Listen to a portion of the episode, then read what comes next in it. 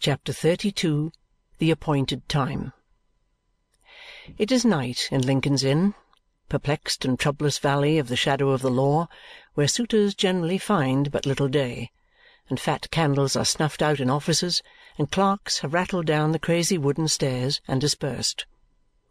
The bell that rings at nine o'clock has ceased its doleful clangour about nothing.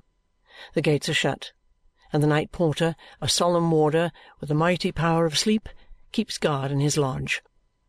From tiers of staircase windows clogged lamps like the eyes of equity, bleared Argus with a fathomless pocket for every eye and an eye upon it, dimly blink at the stars.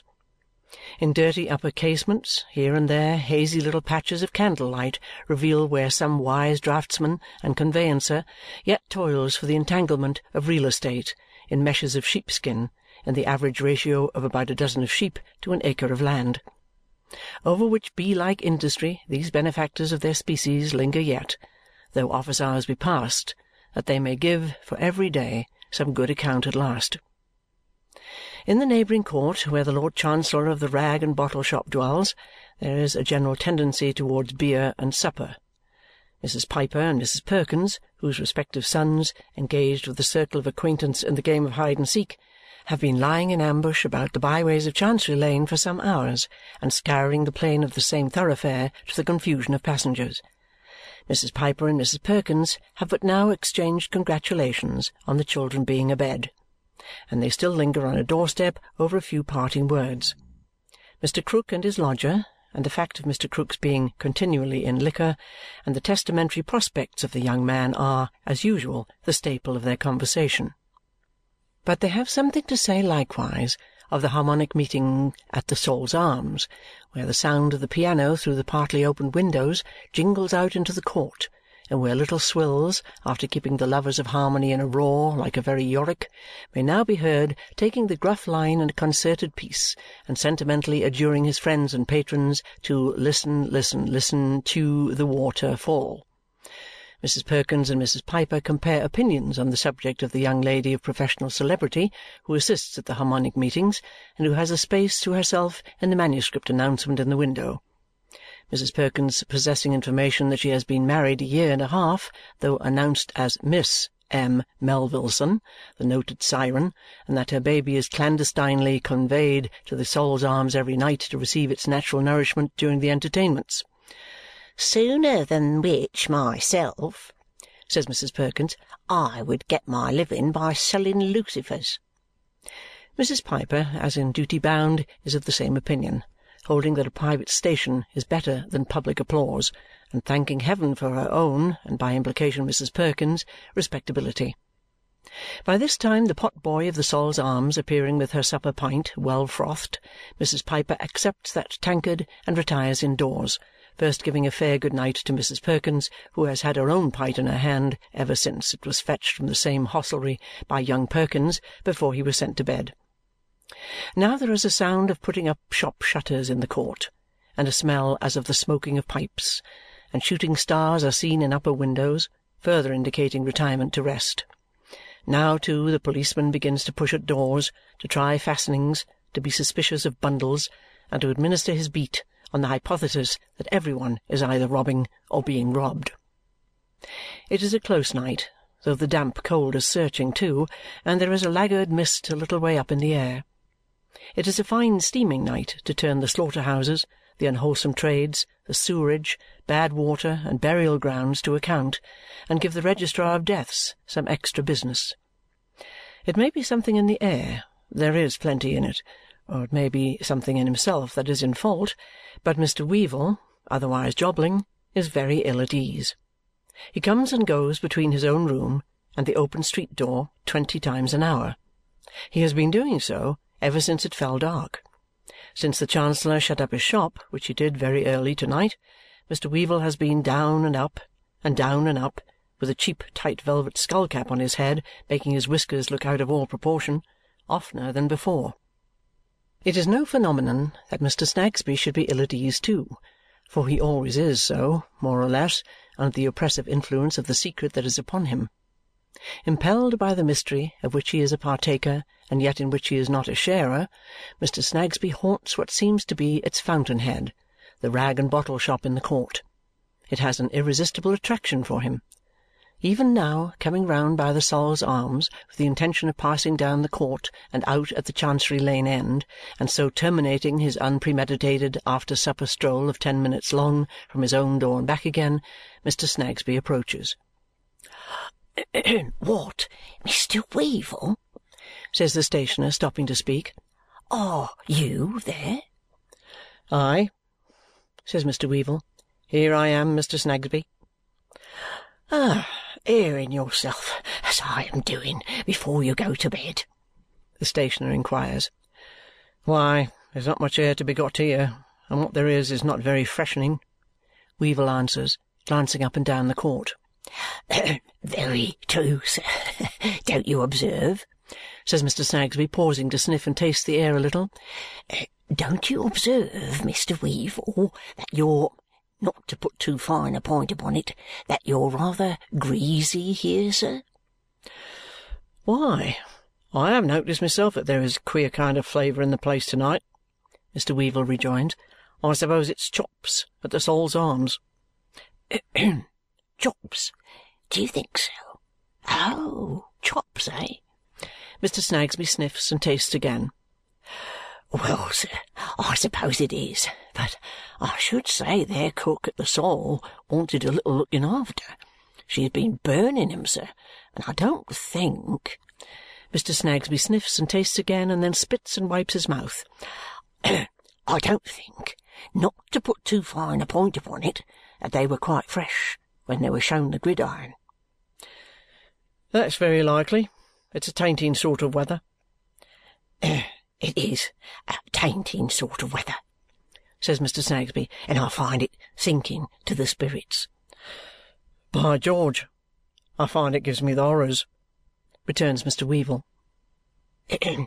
then you see, you live in a lonesome way and in a lonesome room with a black circumstance hanging over it, says Mr. Snagsby, looking in past the other's shoulder along the dark passage and then falling back a step to look up at the house. I couldn't live in that room alone, as you do, sir. I should get so fidgety and worried of an evening sometimes that I should be driven to come to the door and stand here sooner than sit there. But then it's very true you didn't see in your room what I saw there. That makes a difference. I know quite enough about it, returns Tony. it's not agreeable, is it? Pursues Mr. Snagsby, coughing his cough of mild persuasion behind his hand. Mr. Krook ought to consider it in the rent. I hope he does, I am sure. I hope he does, says Tony, but I doubt it. You uh, find the rent too high, do you, sir? returns the stationer. Rents are high about here. I don't know how it is exactly, but the law seems to put things up in price. Not, adds Mr. Snagsby with his apologetic cough, that I mean to say a word against the profession I get my living by. Mr. Weevle again glances up and down the court and then looks at the stationer. Mr. Snagsby, blankly catching his eye, looks upward for a star or so and coughs a cough expressive of not exactly seeing his way out of this conversation. It's a curious fact, sir, he observes, slowly rubbing his hands, that he should have been. Who's he? interrupts Mr. Weevle. the deceased, you know, says Mr. Snagsby, twitching his head and right eyebrow towards the staircase and tapping his acquaintance on the button. Ah, to be sure, returns the other as if he were not over fond of the subject. I thought we had done with him. I was only going to say it's a curious fact, sir, that he should have come and lived here and been one of my writers, and then that you should come and live here and be one of my writers too, which there is nothing derogatory, but far from it, in the appellation, says Mr. Snagsby, breaking off with a mistrust that he may have unpolitely asserted a kind of proprietorship in Mr. Weevle because I have known writers that have gone into brewers' houses and done really very respectable indeed. Eminently respectable, sir. adds Mr. Snagsby with a misgiving that he has not improved the matter.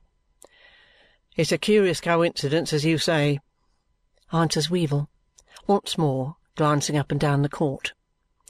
"Seems a fate in it, don't there?" suggests the stationer. "There does."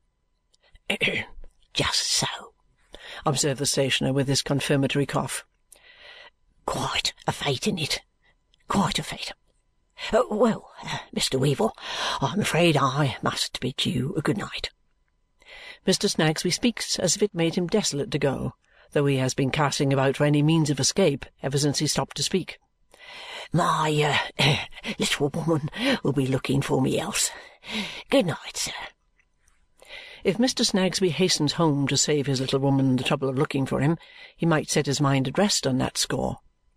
His little woman has had her eye upon him round the Sol's Arms all this time and now glides after him with a pocket handkerchief wrapped over her head, honouring Mr. Weevle and his doorway with a searching glance as she goes past. "You'll know me again, ma'am, at all events," says Mr. Weevle to himself, "and I can't compliment you on your appearance, whoever you are, with your head tied up in a bundle. Is this fellow never coming?" This fellow approaches as he speaks. Mr. Weevle softly holds up his finger and draws him into the passage and closes the front door. Then they go upstairs, Mr. Weevle heavily, and Mr. Guppy (for it is he) very lightly indeed. When they are shut into the back room, they speak low. "I thought you'd gone to Jericho at least instead of coming here," says Tony. "Why, I said about ten." "You said about ten," Tony repeats. "Yes. So you did say about ten. According to my count, it's ten times ten. It's a hundred o'clock. I never had such a night in my life." "What has been the matter?" "That's it," says Tony. "Nothing has been the matter. But here have I been stewing and fuming in this jolly old crib till I have had the horrors falling on me as thick as hail. There's a blessed looking candle!" Says Tony, pointing to the heavily burning taper on his table, with a great cabbage head and a long winding sheet. "That's easily improved," Mr. Guppy observes as he takes the snuffers in hand. "Is it?" returns his friend. "Not so easily as you think. It has been smouldering like that ever since it was lighted." "Why, what's the matter with you, Tony?" inquires Mr. Guppy, looking at him, snuffers in hand, as he sits down with his elbow on the table. "William Guppy," replies the other. "I'm in the Downs. It's this unbearably dull, suicidal room and old bogey downstairs, I suppose." Mr. Weevle moodily pushes the snuffers tray from him with his elbow, leans his head on his hand, puts his feet on the fender, and looks at the fire. Mr. Guppy, observing him, slightly tosses his head and sits down on the other side of the table in an easy attitude. "Wasn't that uh, Snagsby talking to you, Tony?" "Yes. And he yes, it was Snagsby said Mr. Weevle, altering the construction of his sentence. "On business?" "No, no business. He was only sauntering by and stopped to prose." "I thought it was Mr. Snagsby," says Mr. Guppy, "and thought it as well that he shouldn't see me, so I waited till he was gone." "There we go again, William G!" cried Tony, looking up for an instant.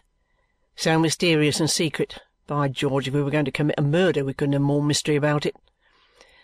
Mr. Guppy affects to smile, and with the view of changing the conversation, looks with an admiration, real or pretended, round the room at the Galaxy Gallery of British Beauty, terminating his survey with the portrait of Lady Dedlock over the mantel-shelf, in which she is represented on a terrace, with a pedestal upon the terrace, and a vase upon the pedestal, and her shawl upon the vase, and a prodigious piece of fur upon the shawl, and her arm on the prodigious piece of fur, and a bracelet on her arm. "That's very like Lady Dedlock," says Mr. Guppy. "It's a speaking likeness." "I wish it was," growls Tony without changing his position. "I should have some fashionable conversation here then." Finding by this time that his friend is not to be wheedled into a more sociable humour, Mr. Guppy puts about upon the ill-used tack and remonstrates with him. "Tony," says he, "I can make allowances for lowness of spirit for no man knows what it is when it does come upon a man better than I do, and no man perhaps has a better right to know it than a man who has an unrequited image imprinted on his heart. But There are bounds to these things when an unoffending party is in question, and I will acknowledge to you, Tony, that I don't think your manner on the present occasion is hospitable or quite gentlemanly." "This is strong language, William Guppy," returns Mr. Weevle. "Sir, it may be," retorts Mr. William Guppy, "but I feel strongly when I use it." Mr. Weevle admits that he has been wrong and begs Mr. William Guppy to think no more about it. Mr. William Guppy, however, having got the advantage, cannot quite release it without a little more injured remonstrance. "Now, dash it, Tony," says that gentleman, "you really ought to be careful how you wound the feelings of a man who has an unrequited image imprinted on his heart and who is not altogether happy in those chords which vibrate to the tenderest emotions. You, Tony, possess in yourself all that is calculated to charm the eye and allure the taste. It is not happily for you perhaps, and I may wish that I could say the same it is not your character to hover around one flower. The whole garden is open to you, and your airy pinions carry you through it. Still, Tony, far be it from me, I am sure, to wound even your feelings without a cause." Tony again entreats that the subject may be no longer pursued, saying emphatically, "William Guppy, drop it. Mr. Guppy acquiesces, with the reply, "I never should have taken it up, Tony, of my own accord." "And now," says Tony, stirring the fire, "touching this same bundle of letters. Isn't it an extraordinary thing of Krook to have appointed twelve o'clock to-night to hand them over to me?" "Very. What did he do it for?" "What does he do anything for? HE don't know. Said to-day was his birthday and he'd hand him over to-night at twelve o'clock. He'll have drunk himself blind by that time. He has been at it all day." "He hasn't forgotten the appointment, I hope?" "Forgotten? Trust him for that. He never forgets anything. I saw him to-night about eight. Helped him to shut up his shop, and he had got the letters then in his hairy cap. He pulled it off and showed 'em me. When the shop was closed, he took 'em out of his cap hung his cap on the chair back and stood turning them over before the fire. I heard him a little while afterwards through the floor here, humming like the wind, the only song he knows, about Bibbo and old Charon and Bibbo being drunk when he died or something or other. Oh, he has been as quiet since as an old rat asleep in his hole. And you want to go down at twelve? At twelve. And as I tell you when you came, it seemed to me a hundred. Tony, says Mr. Guppy after considering a little with his legs crossed, he can't read yet, can he? Read? He'll never read. He can make all the letters separately, and he knows most of 'em separately when he sees 'em. He has got on that much under me, but he can't put 'em together. He's too old to acquire the knack of it now, and too drunk. Tony, says Mr. Guppy, uncrossing and recrossing his legs, how do you suppose he spelt out that name of Hawdon?" "He never spelt it out. You know what a curious power of eye he has, and how he has been used to employ himself in copying things by eye alone. He imitated it, evidently from the direction of a letter, and asked me what it meant." "Tony," says Mr. Guppy, uncrossing and recrossing his legs again, "should you say that the original was a man's writing or a woman's?" "A woman's. Fifty to one a lady's. Slopes a good deal. And the end of the letter N long and hasty."